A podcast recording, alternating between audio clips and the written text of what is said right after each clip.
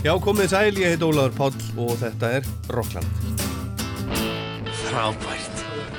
Meiri áttar. Óli, þetta er bara eins og að borða með fórsetan. Það er ekki nema sangjant að helmingurinn af andvirði miðana verði greittur aftur. Sangjant er afstætt hugtak, Sigur. Er það ekki sangjant?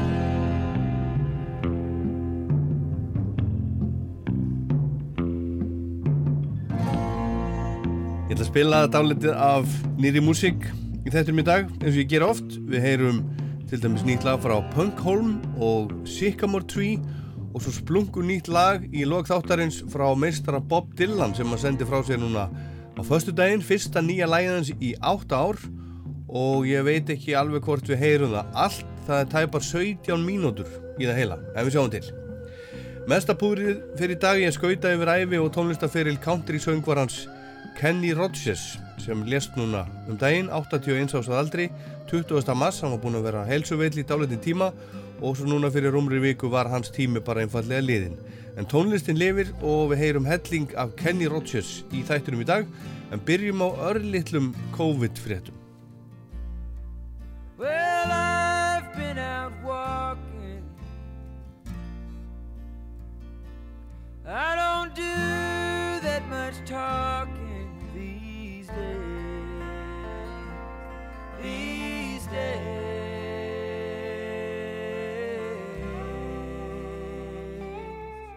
These days I seem to think a lot about the things that I forgot to do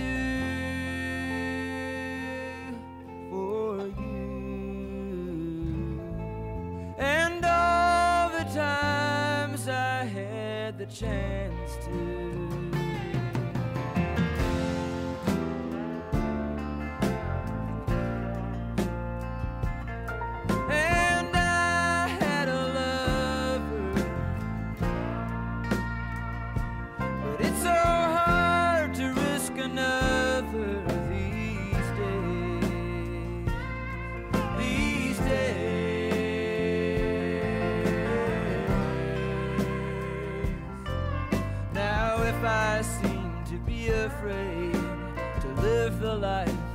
That I have made in song.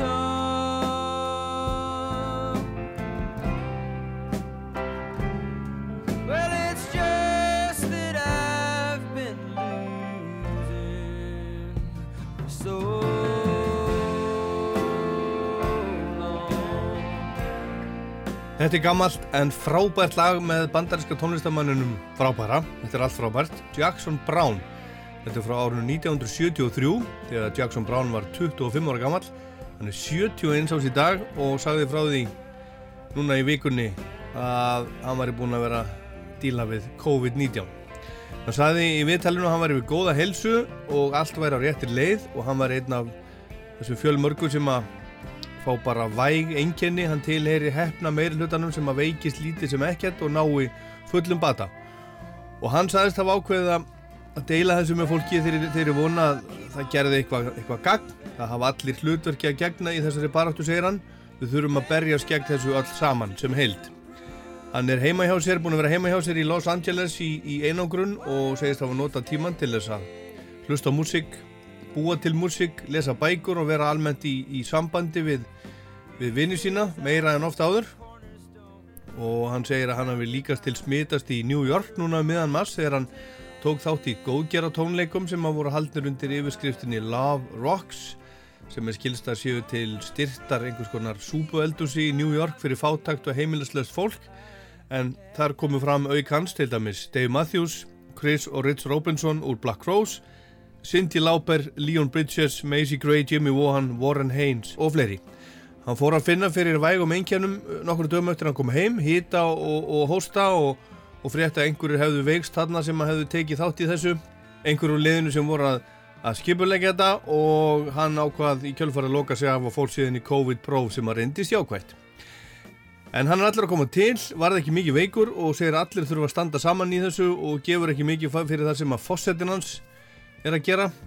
En Trump segir landsmönnum sínum að þetta verði allt í lagi, þetta verði allt saman búið um páskana og þá verði allt orðið gott. En Jackson Brown hann sendi svo frá sér núna á förstu daginn síðasta nýtt lag sem að hann segir að eigi vel við núna í þessum COVID-stormi. Það hafi reyndar ekki verið samið um það eða af því tilöfni heldur að hafi Greta Thunberg og unga fólki sem er að berjast gegn lofslagsbreytingum um allan heim verið kveikjan að þessu lagi. Og þetta er hugsað sem bjellið og smáskifu sem hann ætlar að senda frá sér Jackson Brown núna í mæ og heitir Downhill from Everywhere. Og í læginu sem ég ætla að spila núna fyrir ykkur og heitir A Little Soon to Say segir hann I wanna be holding out your light. I wanna see you light the way but whether everything will be alright it's just a little too soon. To say við skulum hlusta. I came for inspiration. I came looking for grace and found my reflection in every passing face everyone who gathered standing on that shore searching the horizon not knowing what exactly for. Searching the horizon for what we can't quite see. When all we've ever has been there all along inside of you and me. I wanna see you holding out your light. I wanna see you light the way. But whether everything will be alright, it's just a little soon to say.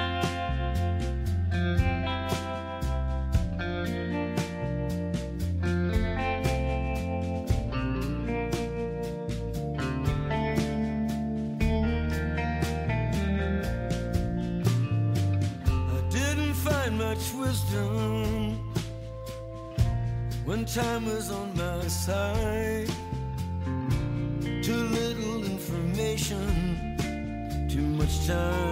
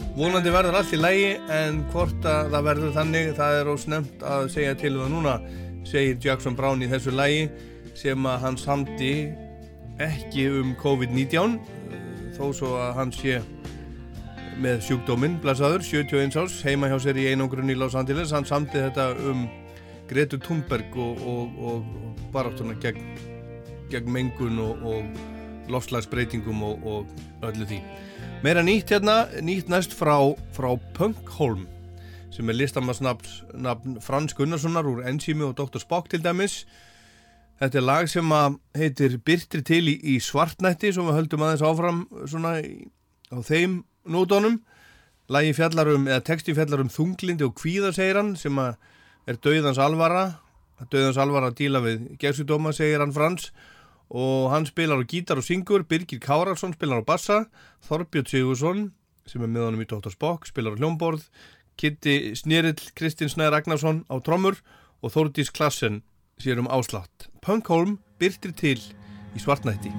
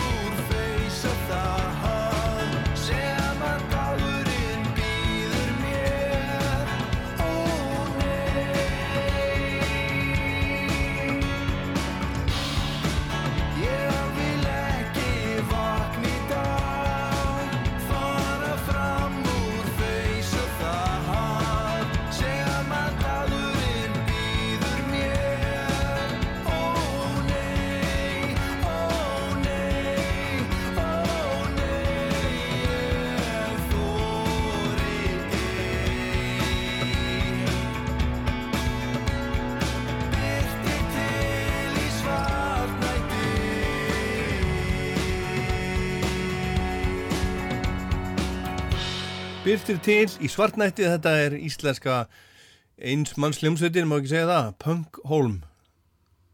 Frans Gunnarsson hérna fremstur í, fremstur í flokki. Og eitt splungu nýtt íslensk til viðbótar áður en við förum og hellum okkur í mann dagsins sem að er Kenny Rogers, country söngvarinn með flauils mjúku röttina sem að lést núna 20. mars síðastliðin. Skulum heyra nýtt lag frá Sycamore Tree, Gunnar Hilmas og, og Ágústu Efu. Þetta heitir Wild Wind og þetta er fyrsta lægi sem að náingi sem að heitir Rick Knowles stjórnar upptökum á hjá þeim. Hann hefur unnið til dæmis með sem upptökustjóri með Adele Madonna, Luna Del Rey Likke Lee, InSync Dua Lipa og, og mörgum fleirum. Og þau eru mjög ánað með útkomuna segja þau og þau segja að lægi sé í raun nú, nú, nútíma ættjarðaróður og fjallar um tengingun okkar við náttúruna og landið. Við erum enna fjallum ástirna segja þau en aðeins öðruvísið þetta skiptið og þetta er annar lægi sem að þau senda frá sér af plödu, stóri plödu sem að kemur út setna á þessu ári. Bjarni Fríman Bjarnarsson sér um, um strengja útsetningu í þessu lægi og Rick Knowles hann spilar á gítar og hljómborð og slagverk og Ágústa Eva syngur. Og það er myndband komið á YouTube og það er svona, er svona fjalla, snjó, landslags, dróna myndband, lægið heitir Wild Wind, Sycamore Tree. When the night comes crawling can feel the chill. I've slept by mountains and hundred rivers crossed. I can hear my own voice while the ice turns green in the fruitless land. Where the wild wind blows cold this way.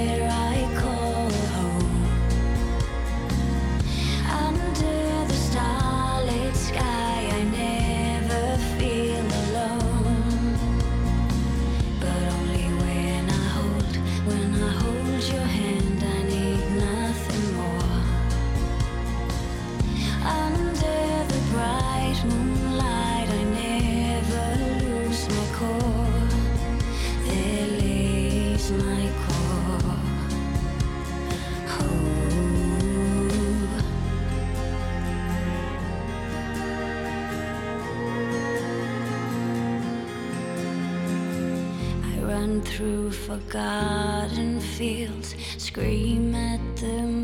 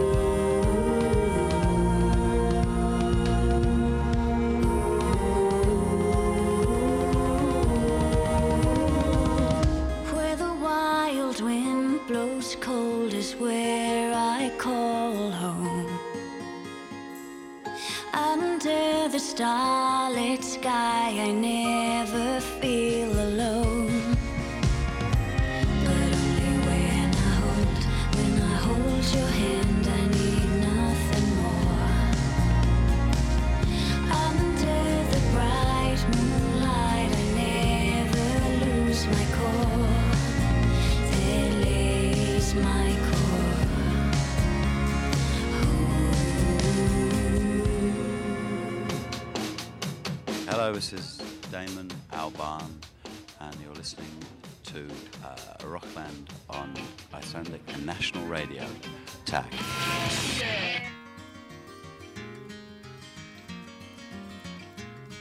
On a warm summer's evening, on a train bound for nowhere, I met up with a gambler.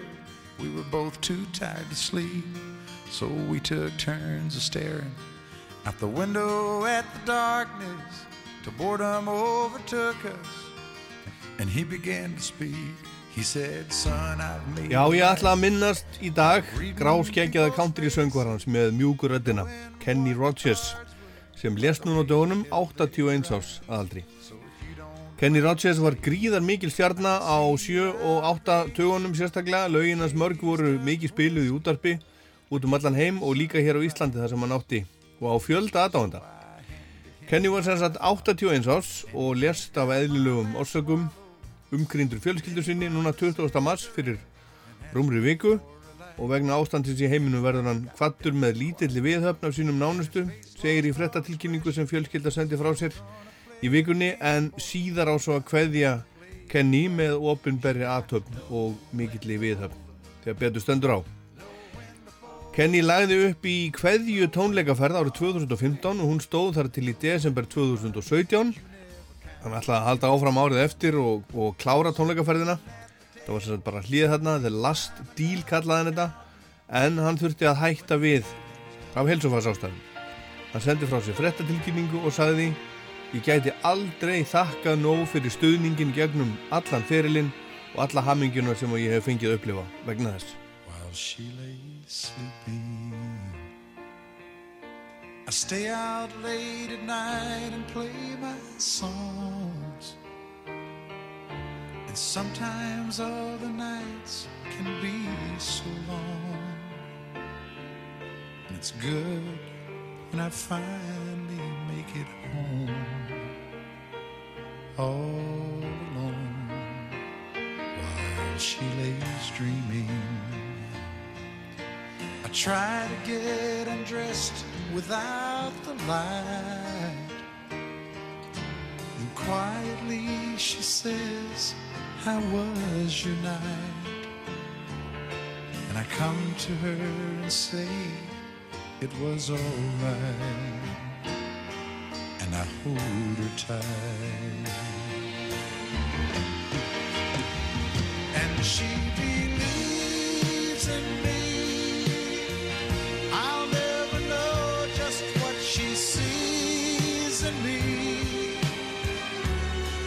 Told her someday if she was my girl, I could change the world with my little songs. I was wrong, but she has faith in me, and so I go on trying faithfully. And who knows, maybe on some special night, if my song is right, I will find a way, find a way, while she lays waiting. I stumble to the kitchen Þetta er Kenny vinnur okkar lag frá 1979 sem að heitir She Believes in Me En 25. oktober 2017 voru haldnir tónleikar Kenny til heiðus í Bridgestone Arena í Nashville þar sem hinn og þessi tónlistamennur öllum áttum fluttu lögin hans honum til heiðus, fólk eins og Dolly Parton Lionel Richie, Don Henley og Eagles, Chris Christopherson, Alison Krauss, Chris Stapleton, Little Big Town, Reba McIntyre og The Flaming Lips, svo einhverju séu nefndir. Kenny Rogers var country söngvari með stóru kái en hann var líka svona crossover eins og það er kallað. Lögin hans fjallu fleirum í geðin bara þeim sem að hlustuðu og hlusta á countrymúsík. Gríðalur fjöldi ungs fólks fílaði country popið hans Kenny sér í lagi svona upp úr 1970 og fram undir 1990. Hann sagði sjálfur að hann hefði ekki verið að veltaði fyrir sér á svona tíma að breyta country heiminum eins og hann gerði. Heldur hafa hann farið að syngja pop skoti country í þeim tilgangi einum að lifa af, vera með í bransanum og til að geta framfleyt sér sem tónlistamæður. Nú til dags sé svo komið fram ný tegund af countrymúsík sem sé miklu meira pop en hann söng nokkur sinni en countrymúsík er einfallega það sem country fólkið vil hlusta á á hverjum tíma og ef country fólkið hlustar á það og fílar það þá er það country. Með sinni silkimjúku en stundum hrjúfu söngurönd kom Kenny Rogers 20 lögum í fyrsta sæti countrylistans í Ameríku. Og af þeim fóru tvö líka allarleið á toppin á poplistan aðal lista bandariska vissalilistans 1983 var það Islands in the Stream sem að hann söng með Dolly Parton en fyrst var það þetta hérna Lady eftir Lionel Richie. Lady, I'm your knight in shining armor, and I love you. You have made me what I am, and I am yours.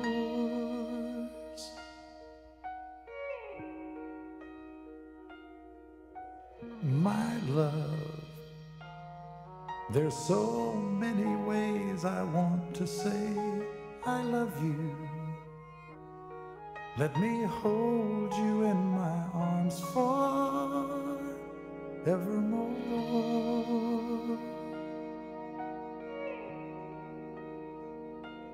You have gone and made me such a fool.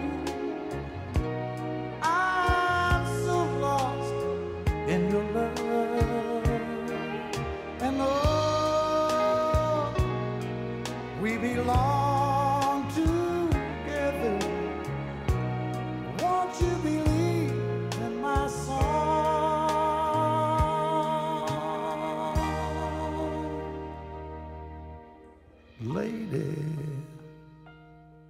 For so many years I thought I'd never find you. You have come into my life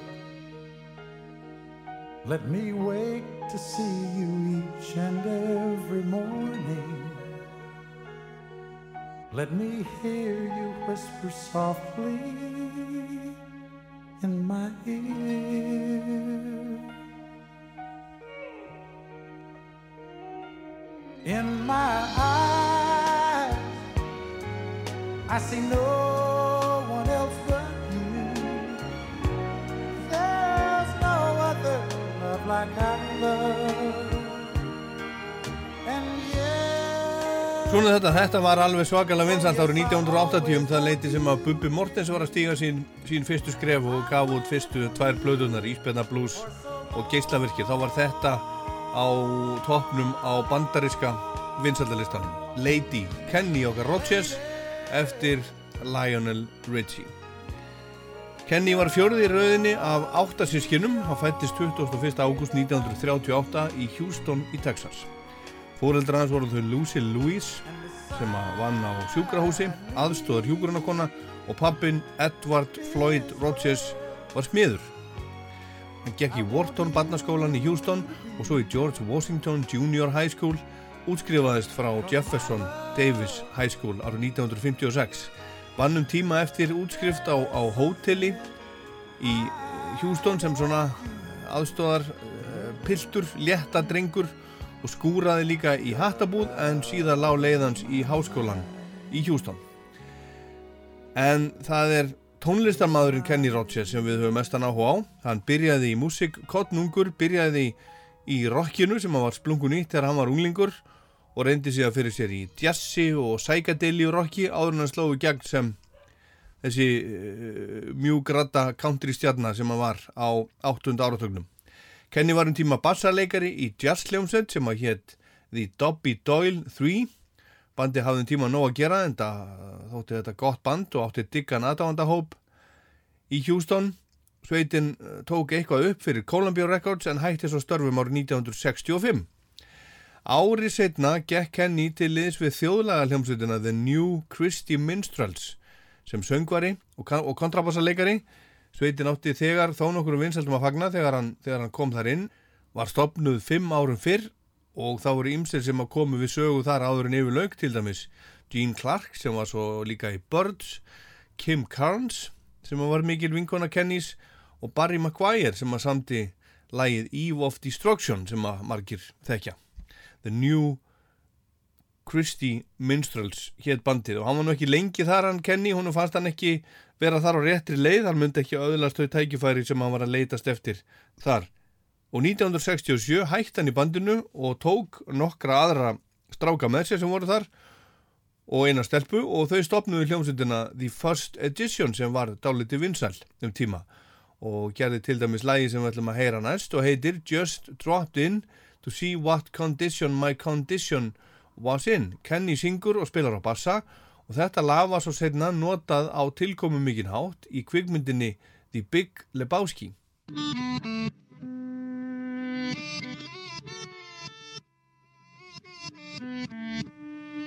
Yeah, yeah, oh yeah, what condition my condition was in. I woke up this morning with the sun down shining in. Found my mind in a brown paper bag, but then I tripped on a cloud and fell eight miles high. I tore my mind on a jagged sky. I just dropped in to see what condition my condition was in. Yeah, yeah, oh yeah, what condition my condition was in.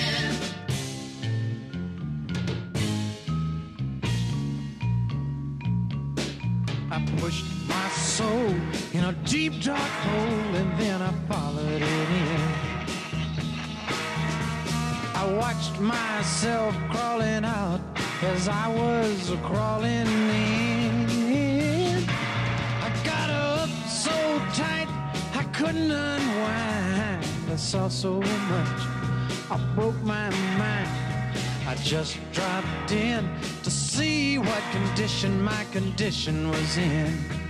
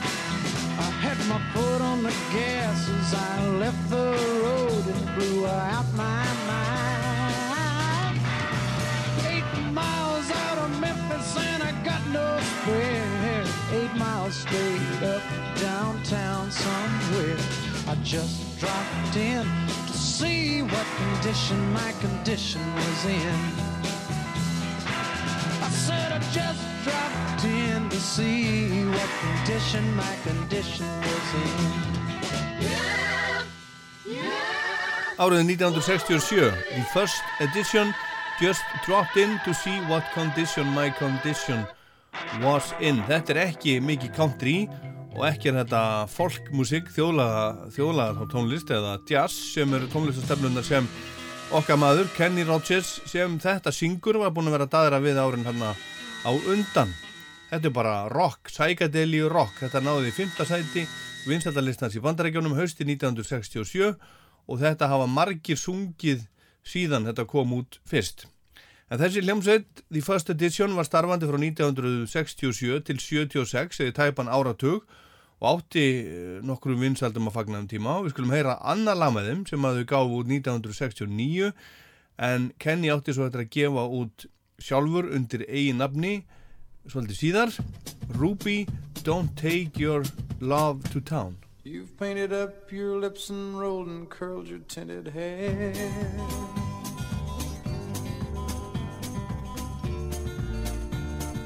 Ruby, are you contemplating going out somewhere? The shadow on the wall tells me the sun is going down.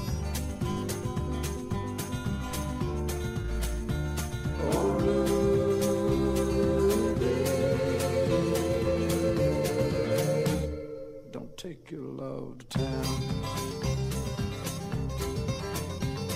It wasn't me that started that old crazy Asian war.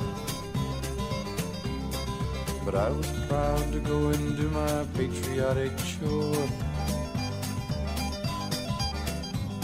And yes, it's true that I'm not the man I used to be.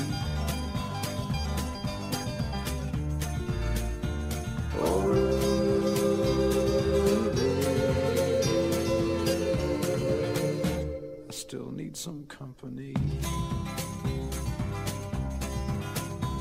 It's hard to love a man whose legs are bent and paralyzed.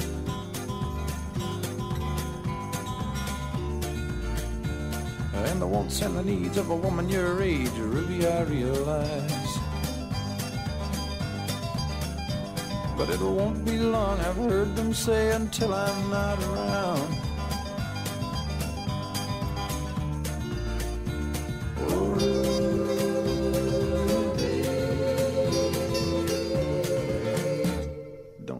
Your love to town.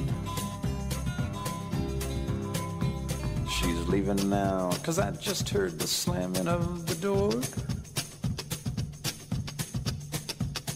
The way I know I've heard it slam 100 times before. And if I could move, I'd get my gun and put her in the ground.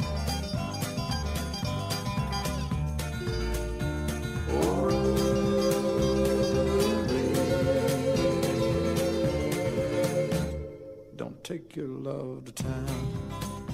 Hann hétt Mel Tillis, country söngvari sem að samti þetta lag Ruby Don't Take Your Love to Town. Hann gaf þetta fyrst út sjálfur undir eiginafni 1967 og lagið segir sögu af særðum Hermanni sem að kemur heim úr stríðinu, vantarlega Vietnamstríðinu, til konu sinnar sem að sýnir honum litla samúð og fer út að djamma og hitta aðra kalla meðan hann situr einn heima særður á líkama og sál alveg í rusli þráttur að hann byggði hann um að vera hjá sér, þá fer hún bara. Þessi útgáfa lagsins með first edition náðu öðru sæti Breska vinsættalistans 1969 og sjötta sæti í Ameríku. En 1976 hætti þessi hljómsveit og okkar maður gerði samning við United Artists útgáfuna og fór að gefa út plötur undir eigin nafni sem að var svolítið mikið minna rock en first edition hafði gert og hann lagði bassanum. Þetta var meira og mígra þægilegra country og hann bara var að syngja. Fyrsta platan Love Lifted Me kom út 1976 snemma ás og önnur platan Kenny Rogers kom um haustið og þetta lag hérna er af henni. I've spent my life looking finding my way wasn't easy to do. But I knew there was you all the while, and it's been worth every mile. Lay down beside me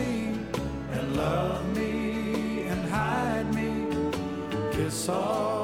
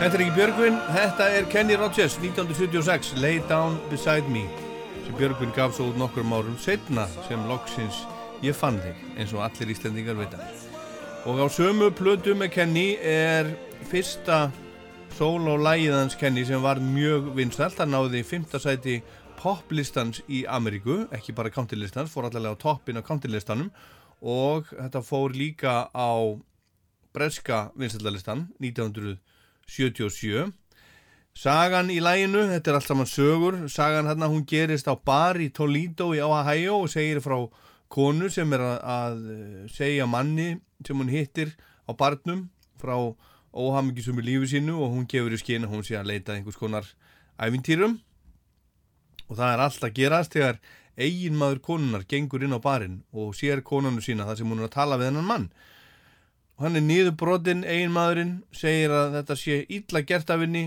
heima séu börnin fjögur söng og uppskeran út á akri þurfa að koma inn í hús og hann sjálfur með hjartasár sem gró ekki svo auðvöldlega, þetta sé ekki, þetta sé ekki uh, fallega gert af henni.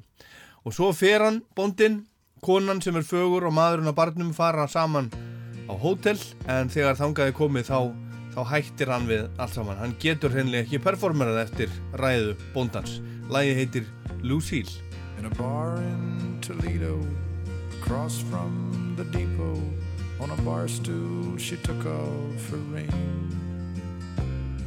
I thought I'd get closer, so I walked on over. I sat down and asked her her name. When the drinks finally hit her, she said I'm no quitter, but I finally quit living on dreams. I'm hungry for laughter and here ever after. I'm after whatever the other life brings. In the mirror I saw him and I closely watched him. I thought how he looked out of place. Came to the woman who sat there beside me. He had a strange look on his face. The big hands were calloused. He looked like a mountain. For a minute I thought I was dead. But he started shaking. His big heart was breaking. He turned to the woman and said, picked a fine time to leave me, Lucille. With four hungry children and a crop in the field. I've had some bad times, lived through some sad times,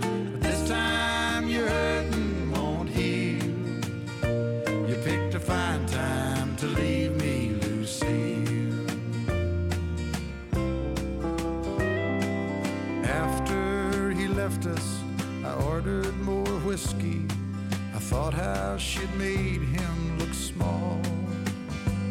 From the lights of the bar room to a rented hotel room, we walked without talking at all. She was a beauty, but when she came to me, she must have thought I'd lost my mind. I couldn't hold her, cause the words that he told coming back time after time. You picked a fine time to leave me, Lucy, with four hungry children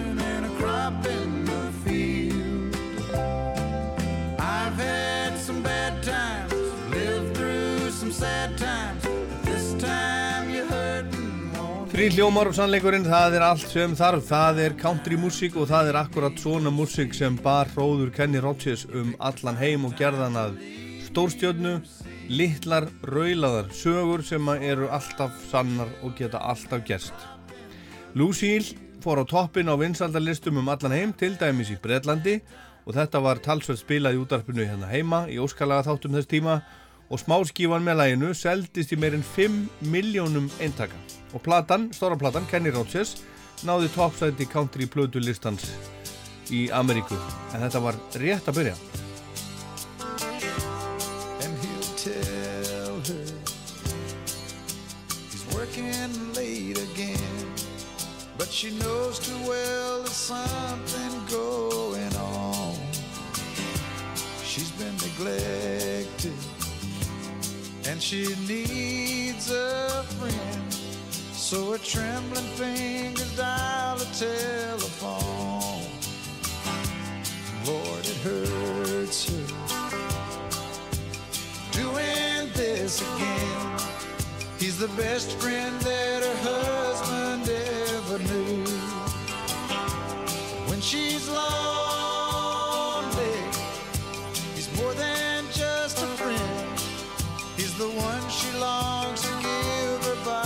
to. Daytime friends and nighttime lovers, hoping no one else discovers where they go what they do in their secret hideaway.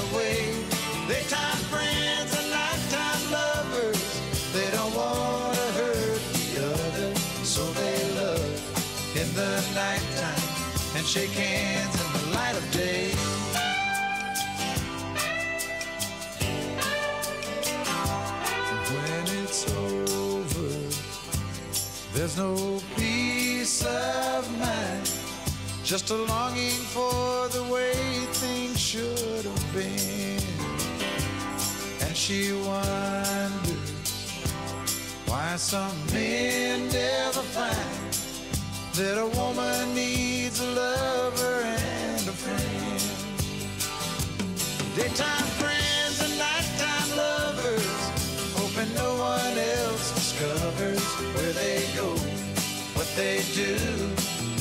secret hideaway.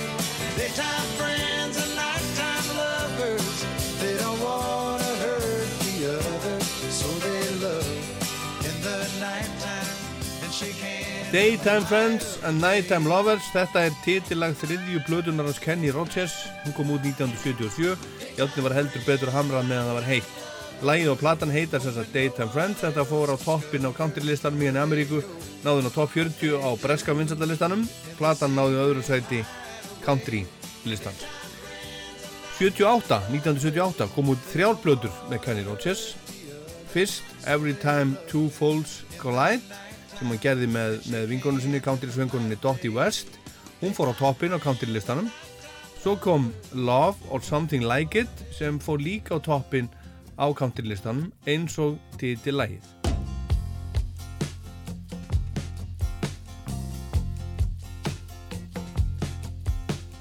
Show me a bar with a good looking woman and just get out of my way. Turn on the jukebox, I'll show you a song you should play.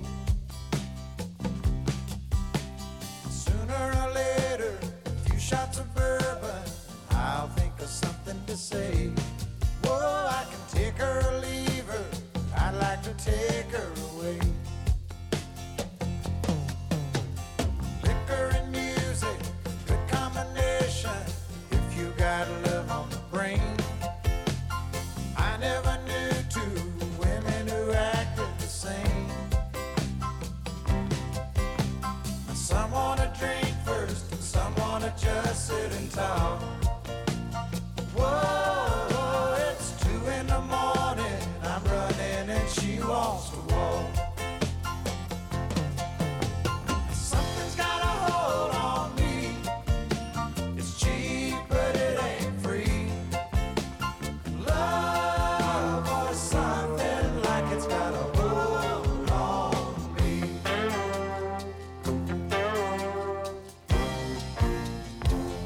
Þetta er Rockland og við erum að fara yfir feril Kenny Rogers og höldum því áfram hérna í setni hlutanum eftir smá stund.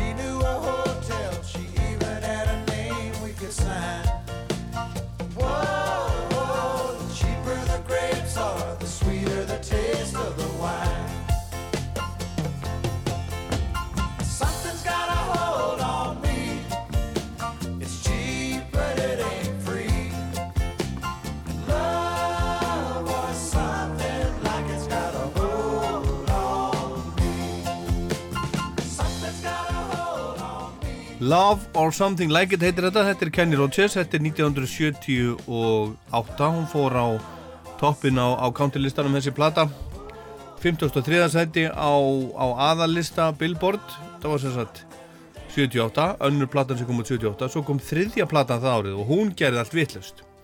Sjötta plata Kenny Rogers er The Gambler sem kom út í desember 78 og er hans vinsalasta plata á ferlinum. Hún gerði Kenny Rogers hreinlega superstjörnu á sínum tíma og var, ég held að við getum sagt að hann að vera svolítið haptrættisvinningurinn hans í lífinu. Platan seldist gríðarlega vel um allan heim, fór út um allt hreinlega til Östurlanda og Jamaica, svo eitthvað sem nefnt og hinga til Íslands líka og þessi plata hefur í dag selst í meira en 35 miljónum eintaka.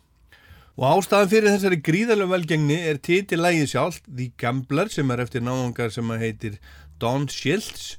Hann var fyrstur til þess að hljóðrita það og Johnny Cass var líka búinn að taka það upp og gera sínu þegar það kom út með Kenny. Kenny var, var, var fyrir til að gefa þetta út og þetta varð hans einkennis lag allan ferilinn.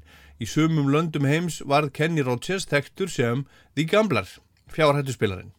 Og í læginu er gammal fjárhættuspilari að segja frá í lestarferð. Hann er að leggja ungu manni lífsreglunar og notar til þess leindarmál og, og svona lingó úr pókernum og svo leggur hann augun aftur og deyr þetta í lestinni. On a warm summer's evening, on a train bound for nowhere, I met up with a gambler. We were both too tired to sleep, so we took turns of staring out the window at the darkness till boredom overtook us. And he began to speak. He said, Son, I've made a life out of reading people's faces and knowing what the cards were by the way they held their eyes. So if you don't mind my saying, I can see you're out of aces for a taste of your whiskey. I'll give you some advice. So I handed him my bottle and he drank down my last swallow. Then he bummed a cigarette and asked me for a light. And the night got deathly quiet, and his face lost all expression. Said, if you're gonna play the game, boy, you gotta learn to play it right. You got to know when to hold 'em, know when to fold 'em, walk away, and know when to run. You never count your money when you're sitting at the table. There'll be time enough for counting when the dealing's done.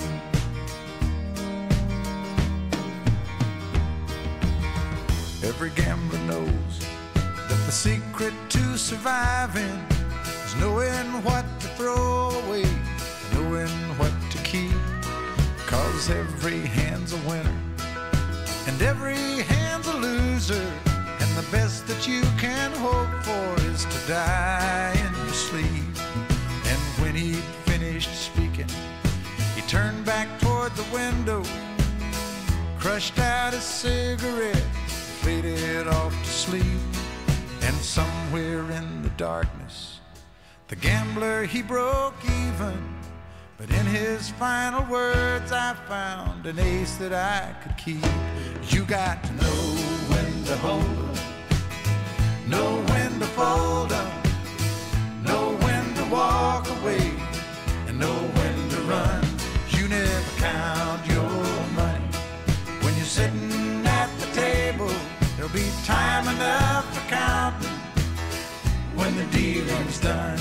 You got to know hold 'em, when to hold 'em, know when to fold 'em, know when to walk away, and know when to run. You never count your money when you're sitting at the table. There'll be time enough for counting when the dealing's done. You got You got to know when to hold them, know when to fold them, know when to walk away, and know when to run. You never count your money when you're sitting at the table. There will be time enough for counting when the dealing's done. Þetta er The Gambler, þetta ótrúlega vinsæla lag hins nýlátna Kenny Rogers sem við erum að taka hérna ofan fyrir í Rocklandi í dag. En þessi plata, hún fór á toppin á countrylistanum, náðu 12. sæti á, á uh, aðalista Billboard á sínu tíma en svo bara seldist hún og seldist og seldist og seldist og hefur í dag selst í meir en 35 miljónum eintaka um allan heim.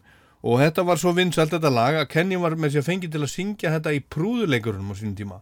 Og þar halda brúðunar á bæði viskipela og síkaretum það kemur ju hvort tvekja við í, í sögunni í læginu og, og uh, sagan var að fá að halda sér. Þetta voru jú aðri tímar, þetta var the 70s en höfundur lagsins hann spilaði aldrei póker en það fjallar lægið í rauninni ekkert um póker heldur bara um lífið sjálft og það að spila úr þeim spilum sem að lífið útlutamanni Kenny hlaut Grammy-velunum fyrir þetta lag ásins í byrjun ás 1979 og lagið var tekið inn í hljóðurita samt bandariska þingsins fyrir tveimur árum það sem heitir National Recording Registry.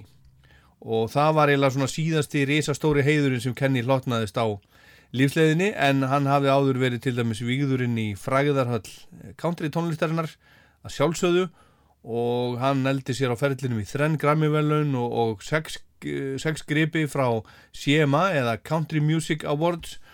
Og 2013 hlaut hann svo heiðusvelun samtaka country tónlistarinnar í Ameríku fyrir framlagsi til tónlistarinnar, hann var marg velunadur en 1979 gaf Kenny út tvær blöður fyrst kom önnur duettaplata með Dottie West og þau önnu mikið saman á þessum tíma. og svo kom plata sem heitir Kenny út í september 79 þar sem Kenny poppar eiginlega yfir sig á köplum syngur þar country ballöður í bland við hálgert bara disco pop svimið þá.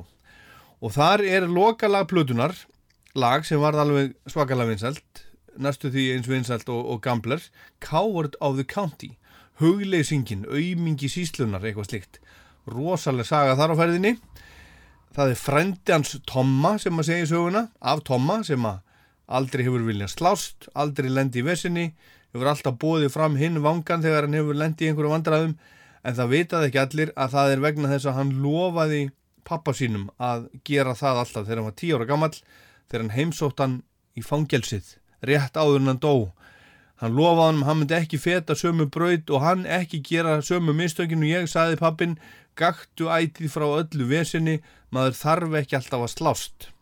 Og þannig lifir Tom í lífinu og er fyrir vikið kallaður aumingi allatíð, coward of the county en dag einn þegar hann er orðin fullorðin kvæntur maður, er hann í vinnunni þegar gatlin bræðunir þeir drullus okkar ráðast á konunast Tommy og nöðgenni, allir. Það er nú bara svo leiðis Tommy fer á barinn þar sem þeir halda sig og þeir hlæja bara á hann þegar hann kemur auðmingin en þeir gera það ekki lengi vegna þess að Tommy hjólar í þá og þeir liggja allir eftir. Það kemur ekki fram í læginu hvort hann, hvort hann uh, lemur þá eða hvort hann uh, skýtur þá eða hvað. En í loglagsins segir Tommy ég vona þú skilir það pappi en stundum bara verður maður að svara fyrir sig. Maður þarf stundum að slást. Everyone considered him the coward of.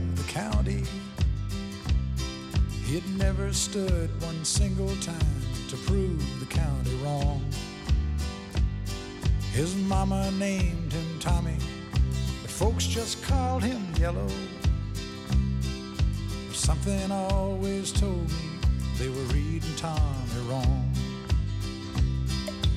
He was only 10 years old when his daddy died in prison. I looked after Tommy cause he was my brother's son.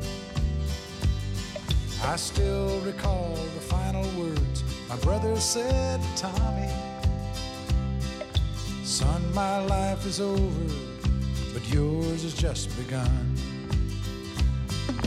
Promise me, son, not to do the things I've done. Walk away from trouble if you can. It won't turn the other cheek. I hope you're old enough to understand.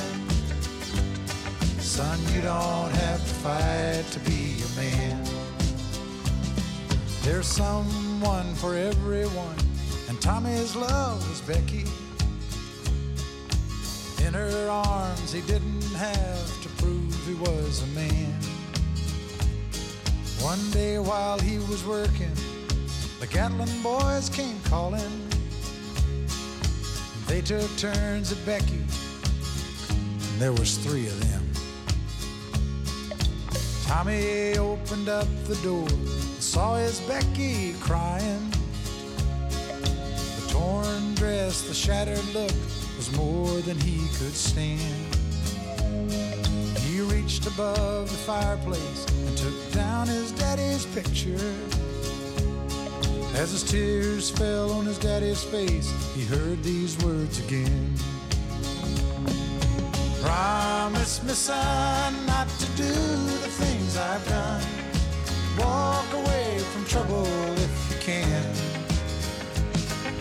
Now it won't mean you're weak if you turn the other cheek. I hope you're old enough to understand. Son, you don't have to fight man. The Gatlin boys just laughed at him when he walked into the bar room. One of them got up and met him halfway across the floor. When Tommy turned around, they said, Hey, look, old Yellow's leaving. But you could have heard a pin drop when Tommy stopped and locked the door. Twenty years of crawling was bottled up inside him. He wasn't holding nothing back, he let 'em have it all. When Tommy left the barroom, not a Gatlin boy was standing. He said, This one's for Becky, as he watched the last one fall. And I heard him say, I promised your dad not to do the things you've done. I'll walk away from trouble when I can. Now please don't think I'm weak, I didn't turn the other cheek. And Papa, I sure hope you understand. Sometimes you gotta fight when you're a man. Everyone considered him coward of the county. Svakalegt lag. Alveg hreint, stundum bara þurfa menn að svara fyrir sig, það er bara þannig. Kenny Rogers 1979, Coward of the County.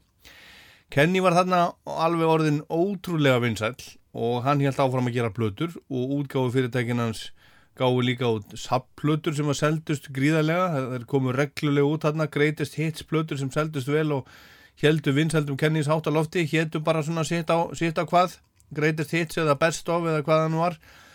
Og þessi músík sem engjandan þegar hann ákomið var oftar en ekki svona létt poppaðar country ballöður sem að fjallu mörgum í geð tröfluðingan eins og þetta hérna duett sem hann gerði með söngkonunni Sínu Easton lag eftir Bob Seger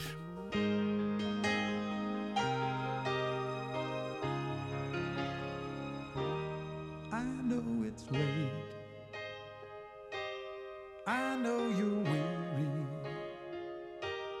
and I know your plans don't include me. Still, here we are,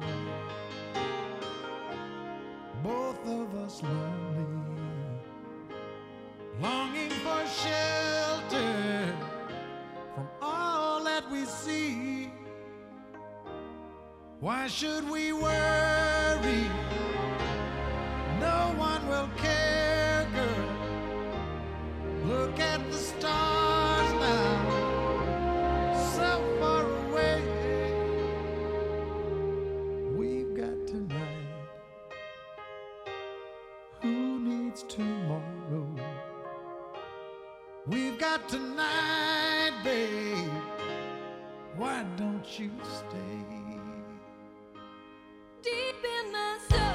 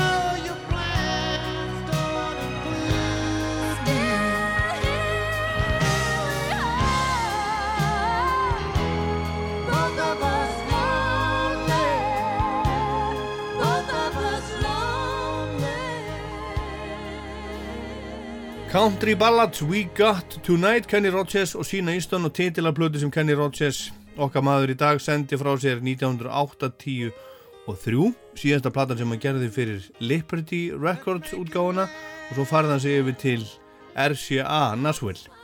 En þessi plata náði hæst í þriðja sæti countrylistans, átjánda sæti poplista Billboard í Ameríku og lægið á lítilli plötu náði líka talsverðu vinsaldum Þessi plata kom út í februar 83 en í ágúst sama ár kom ennin platan, 15. plata Kenny Rogers og þar er Barry Gibb úr Bee Gees með Kenny, eða Bee Gees, hann stjórnaði upptökum á plötunni en hann og þeir Gibb bræður þeir sömdu næstum öll lög þessara plötu. Bee Gees voru búin að vera sjóð heitir þarna, aðeins kannski fann þeirra kóluna smá eftir Saturday Night Fever æfintýri og það sem að fylgdi á eftir samt sjóð heitir, þetta er sama ár og þeir gefa eða gera tónlistana fyrir, fyrir framhaldsmyndina Saturday Night Fever sem að var nú ekki eins og einsælis hún Stayin' Alive. En Barry Gibb var búin að vera stjórna upptökum hérna á tveimur öðrum blötum fyrir utan Bee Gees, önnur þeirra var platan Heartbreaker fyrir Diane Warwick og svo gerðan sem þessa með Kenny Rogers. Og þarna þessari blötu sem heitir Eyes That See in the Dark er eitt stærsti smellur Kenny Rogers og vinkunans Dolly Parton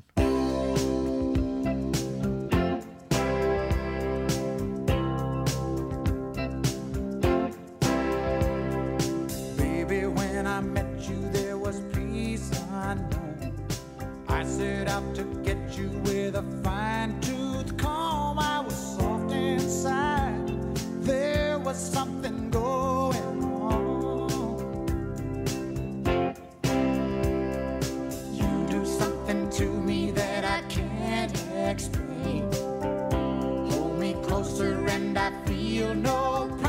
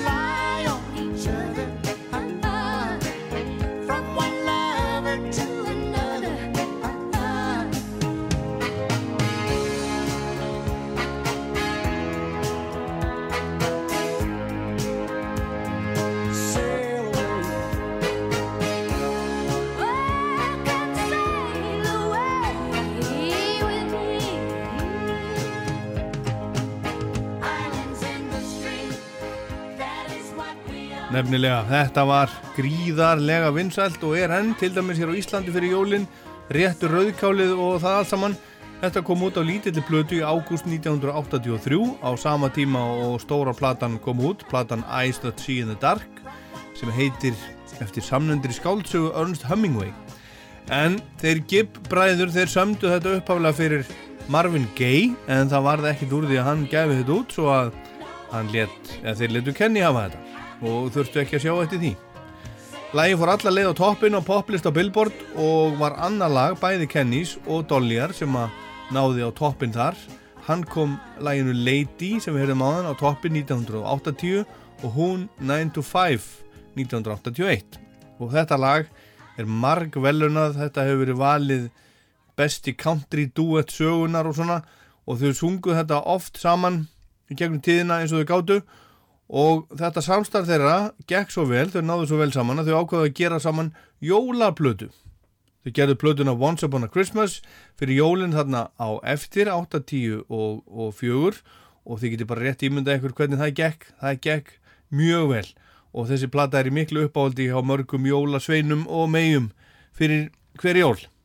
Og Kenny held áfram að gefa út og syngja og þennan áratug til 1990 frá 80 til 90 gaf hann út, eða áttan 23 lög sem komist inn á top 10 á bandariska counterlistanum og þar að voru 5 sem að letu finna fyrir sig líka á poplistanum og þetta er eitt þeirra sem við heyrum hérna næst. Hann fekk Grammy velum fyrir þetta 1987 Don't call her up anymore.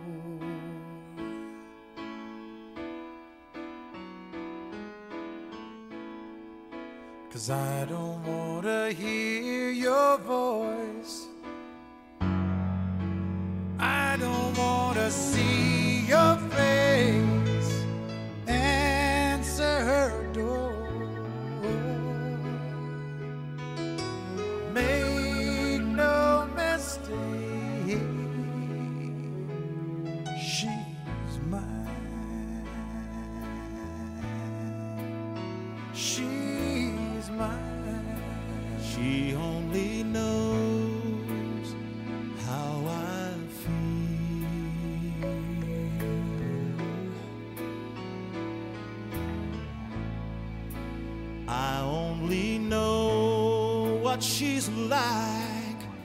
when she needs me. Oh, how she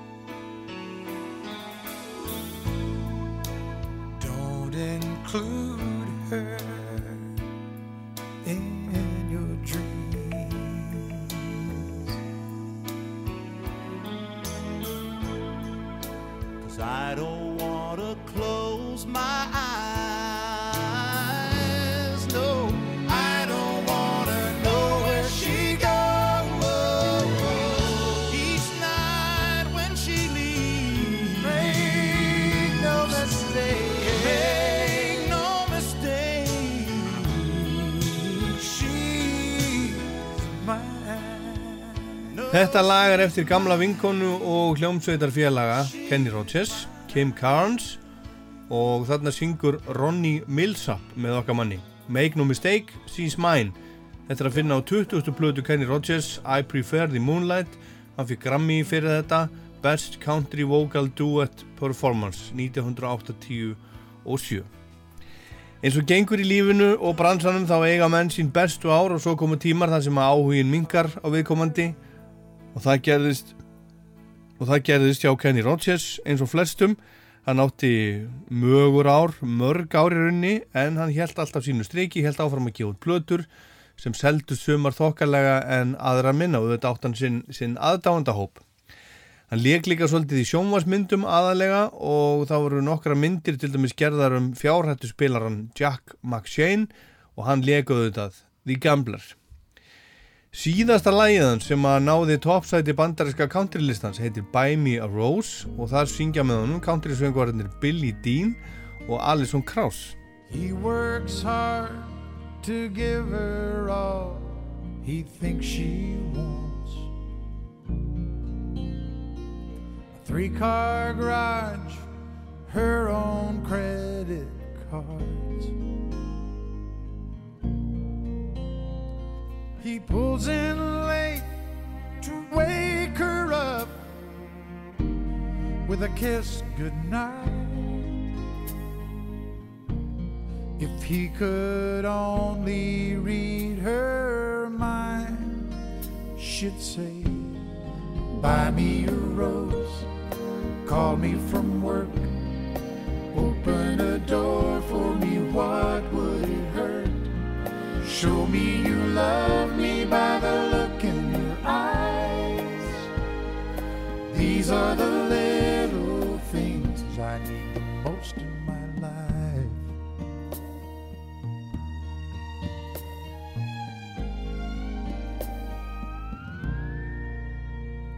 Now the days have grown to years of feeling all alone. She can't help but wonder what she's doing wrong. Cause lately she'd try anything to turn his head. Would it make a difference if she'd say, Buy me a rose, call me from work, open a door for me, what would it hurt? Show me you love me by the look in your eyes. These are the little things I need the most in my life. Buy Me a Rose heitir þetta lag og þarna var Kenny Rogers 60 og eins árs. Og hann var elsti þegar þetta kom út þá var hann elsti tónlistamæðurinn til þess að koma lægi á, á toppin á countrylistanum í Ameríku. Alison Krauss sem er þetta með honum hún gerði svo frábæra plötu árið 2007 með Robert Plant úr Led Zeppelin Raising Sand, svona tengist þetta nú allt saman saman En Kenny gerði slatta af plötum núna síðustu 20 árin sem að seldust okkarlega og aðra minna eins og gengur. Hann var duglegur að túra og spila á tónleikum en smellitni leta á sér standa. Það voru aðri sem að höfðu tekið við keflinu að vera vinsalastir og eiga topplu vinsalalistana. En hvað gera með þá? Já, þá gera sumi bara eitthvað, eitthvað annað. Hann opnaði til dæmis uh, eitthvað, eitthvað svolítið af kjúklinga veitingastöðum, Kenny Rogers Roasters og hann fór að smíða bíla fyrir svona drullubíla kappakstur sem hann kallaði Gambler Chassis. Hann gaf út sjálfsæfisögu sína Luck or Something Like It árið 2012 og árið eftir senda frá sér skáldsögu sem að heitir What Are the Chances? Hann var líka ljósmyndari áhuga ljósmyndari og gaf út þrjár ljósmyndabækur þar á meðal eina sem að heitir This is my country kom út 2005 og þar eru svarkvita myndir sem hann tók af vinnum sínum mörgum í countrymúsikinni, fólki eins og Ripu McIntyre, Willie Nelson, Dolly Parton og fleirum. Og svo skrifaði hann líka badnabækur, hann gerði þess að alls konar, honum er örgulega þótt gaman að vera til.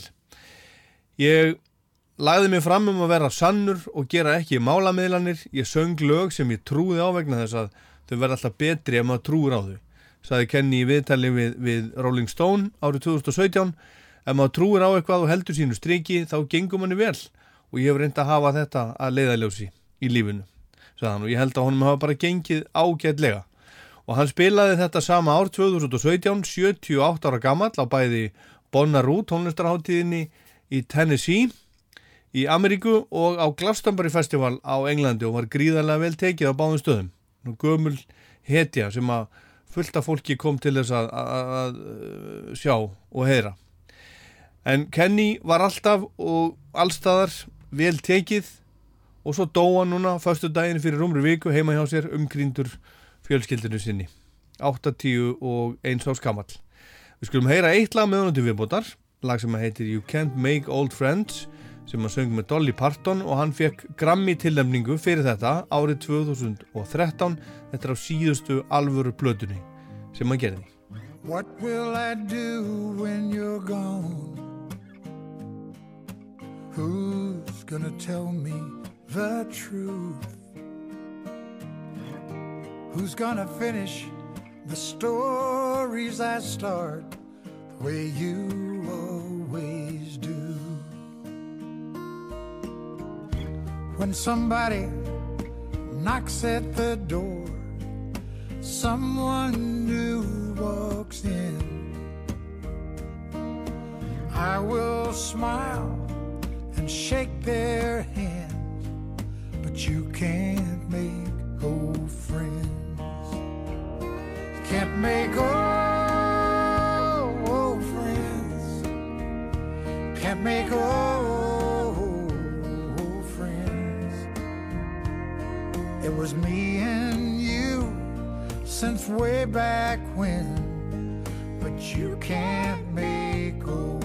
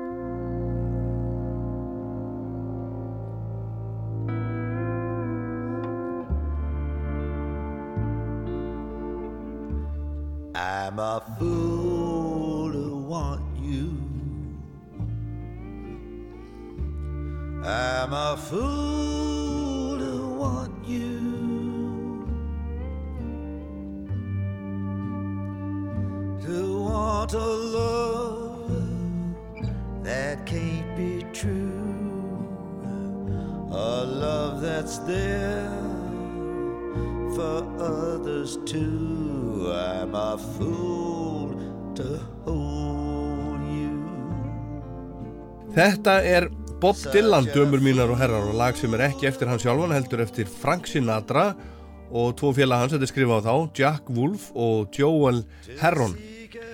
Eftir að hafa gefið út 35 plötur og flestar ansi góðar með frumsaminni músík meira á minna allar góður síðan 1962 kom þetta út 2015 plata sem heitir Shadows in the Night og hefur að geima flutning Dylans á lögum sem hann heyriði Frank Sinatra, eitt af ædolunum sínum, syngja þegar hann var strákur að alast upp í Hibbing, Minnesota.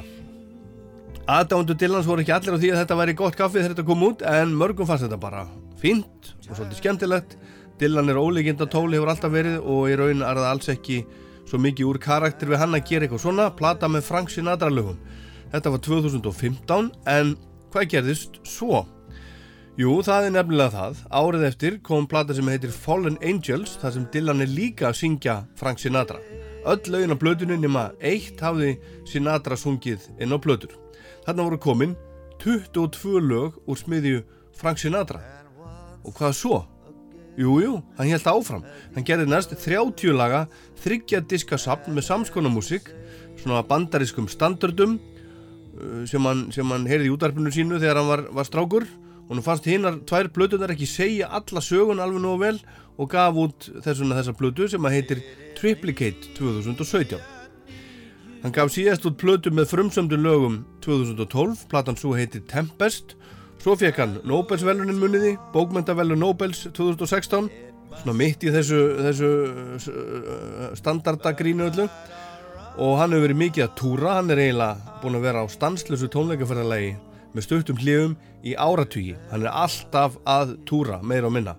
En það hefur engin ný músik komið frá honum síðan 2012 og margir aðdáðundur hans hafa haft af því svona mismiklar áhyggjur á undanfjöldum árum að brunnurinn sé einfallega þotnaður að meistarinn væri bara geldur sköpunarlega búinn að vera. En svo senda hann öllum á ofurum frá sér lag núna á förstudaginn og það er komið á Spotify og það er ekkert smá lag rosalegur bálkur hans lang lengsta lag þetta er tæpa 17 mínútur og fjallar um morðið á John F. Kennedy í bandarækjafórseta og lífið í bandarækjánum eftir morðið og, og svona nignun bandarækjana eftir morðið segir hann og í fæslu og Twitter skrifaði Dylan á fyrstudaginn Hveðjur til aðdáðanda minna og fylgjenda með þakklæti fyrir alla stöðningin og tryggðina í gegnum árin. Hér er áður óutgefi lag sem við tókum upp fyrir nokkur síðan og þið gætu haft áhuga á. Verið örug og hann vísar þar öruglega í COVID ástandið, fylgist með og megi Guð vera með ykkur. Þetta er lítið lag í rauninni þó þessi lánt. Þetta er svona píanoballaða, litlar kittlandi trommur og strengir og hann segir meðal annars í textanum um Kennedy fósita Being led to the slaughter like a sacrificial lamb, they blew off his head while he was still in the car, shot down like a dog in a broad daylight. Og þó svo bandarækin megi muna fívilsinn fegur að mati Dillans, þá býður hann upp á bjargræði í formi poptónlistar og vísar í heilan haug af lögum og flytjandum í laginu sínu. Hann vísar í Beatlana, Woodstock Festival, Charlie Parker, Eagles og Stevie Nicks, svo eitthvað sem nefnt, og alveg helling, hellingi viðbót. Ég lagðist upp í rúm á fyrstu daginn þegar ég, þegar ég sá að þetta var, þetta var komið á Spotify og hlustaði. Og svo hlustaði ég strax aftur og ég ætla að enda Rockland dagsins á þessu marathónlægi Dillans. Ég minni á Rockland á webnum, spilaranum, rú.is, podcast á Spotify og iTunes til dæmis eða bara það sem er náið ykkur í, í podcast, hlaðvarp. Og svo mæli ég með líka á minni á Rockland mælir með lagalistanum á Spotify sem maður fylgir með því að smetla á hjartað, nýr uppfærið listi upphafi hvers mánuða, 30 laga listi. Svona hitt og þetta sem að kemur við sögu í Rocklandi og, og, og bara annað sem að vekur áhuga minn sem ég rekst á. En ég heit Ólaður Pál Gunnarsson og hér er 78 ára gammal Bob Dylan með sitt nýjasta lag Murder Most Foul. Takk fyrir að hlusta. It was a dark day in Dallas, November 63. The day that will live on in infamy. President Kennedy was a riding high.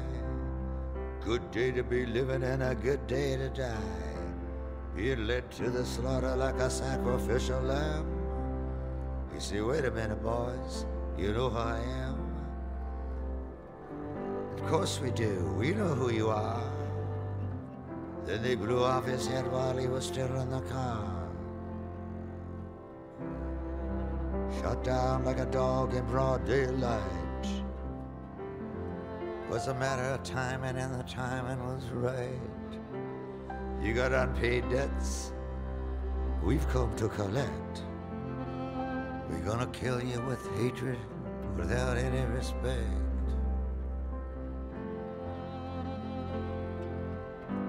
We'll mock you and shock you, and we'll grin in your face. We've already got someone here to take your place. The day they blew out the brains of the king, thousands were watching, no one saw a thing.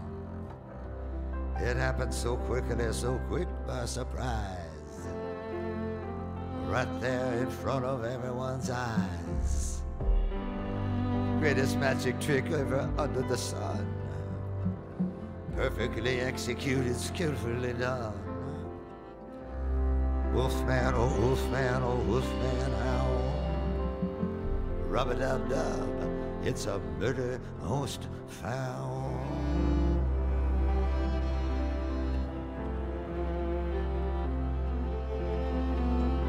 Hush, little children, you'll understand. The Beatles are coming, they're gonna hold your hand. Slide down the banister, go get your coat. Ferry across the Mersey and go for the throat. There's three bums coming all dressed in rags. Pick up the pieces and lower the flags.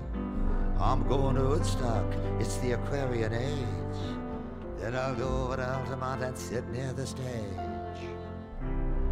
Put your head out the window, let the good times roll. There's a party going on behind the grassy knoll. Stack up the bricks, pour the cement. Don't say Dallas don't love you, Mr. President.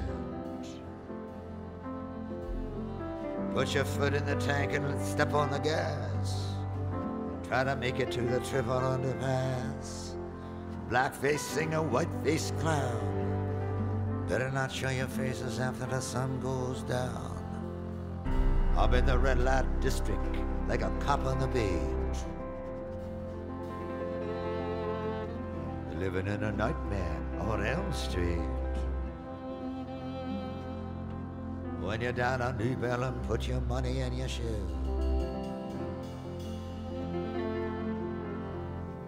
Don't ask what your country can do for you. Cash on the bellhead, money to burn.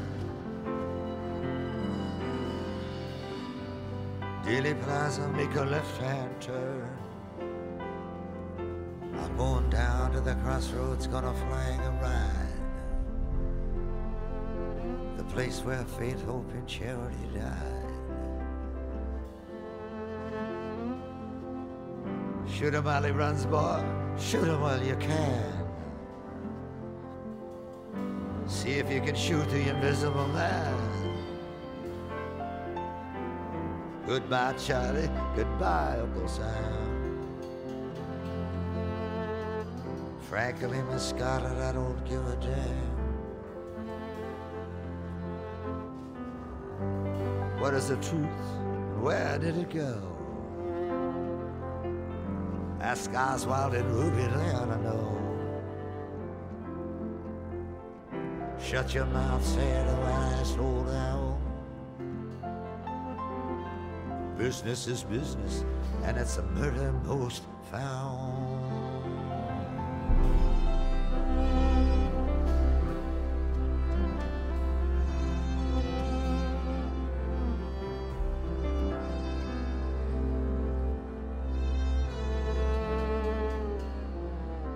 Can you hear me? I'm the ancient queen. I'm riding in a long black Lincoln limousine. Riding in the back seat next to my wife. Heading straight on into the afterlife. I'm leaning to the left got my head in her lap. I've been led into some kind of a trap. Well, we ask no quarter, no quarter do we give. We're right down the street from the street where you live. They mutilated his body and they took out his brain. What more could they do? They piled on the pain. But his soul was not there where it was supposed to be at. For the last 50 years, they've been searching for that. Freedom, oh freedom, freedom of over me. I hate to tell you, mister, but only dead men are free. Send me some love, tell me no lie.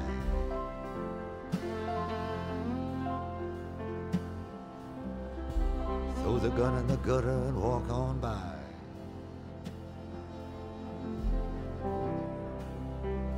Wake up, little Susie, let's go for a drive.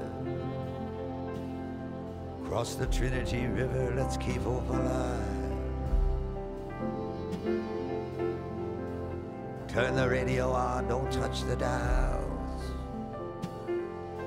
Parkland Hospital, only six more miles. Got me dizzy, Miss Lizzie. You fill me with lead. That magic bullet of yours has gone to my head. I'm just a patsy like Patsy Cline. Never shot anyone from in front or behind.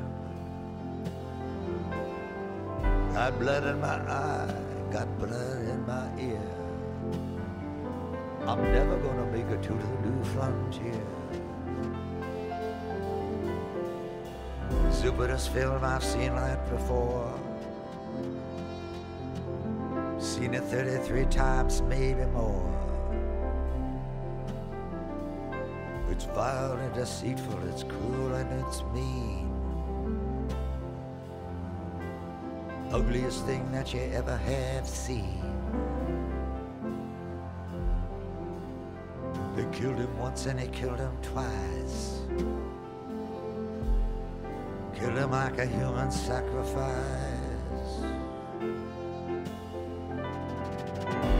The day that they killed him, someone said to me, son, the age of the Antichrist has just only begun. Air Force One coming in through the gate. Johnson sworn in at 238. Let me know when you decide to throw in the towel. It is what it is, and it's murder most foul.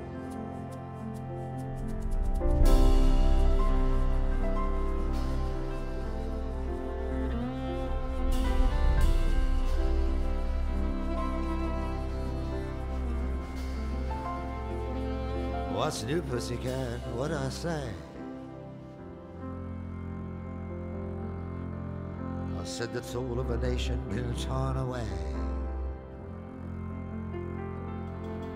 And it's beginning to go into a slow decay. And that it's 36 hours past Judgment Day. Wolfman Jack, he's speaking in tongues. He's going on and on and on at the top of his lungs. Play me a song, Mr. Wolfman Jack. Play it for me in my long Cadillac. Play me that only the good die young. Take me to the place Tom Dooley was hung. Play say James Infirmary in the court of King James. If you want to remember, you better write down the names. Play it at James too. Play it rather go blind. Play it for the man with a telepathic mind. Play John Lee Hooker, play Scratch My Back. Play it for that strip club owner named Jack. Guitar slim going down slow. Play it for me and for Marilyn Monroe.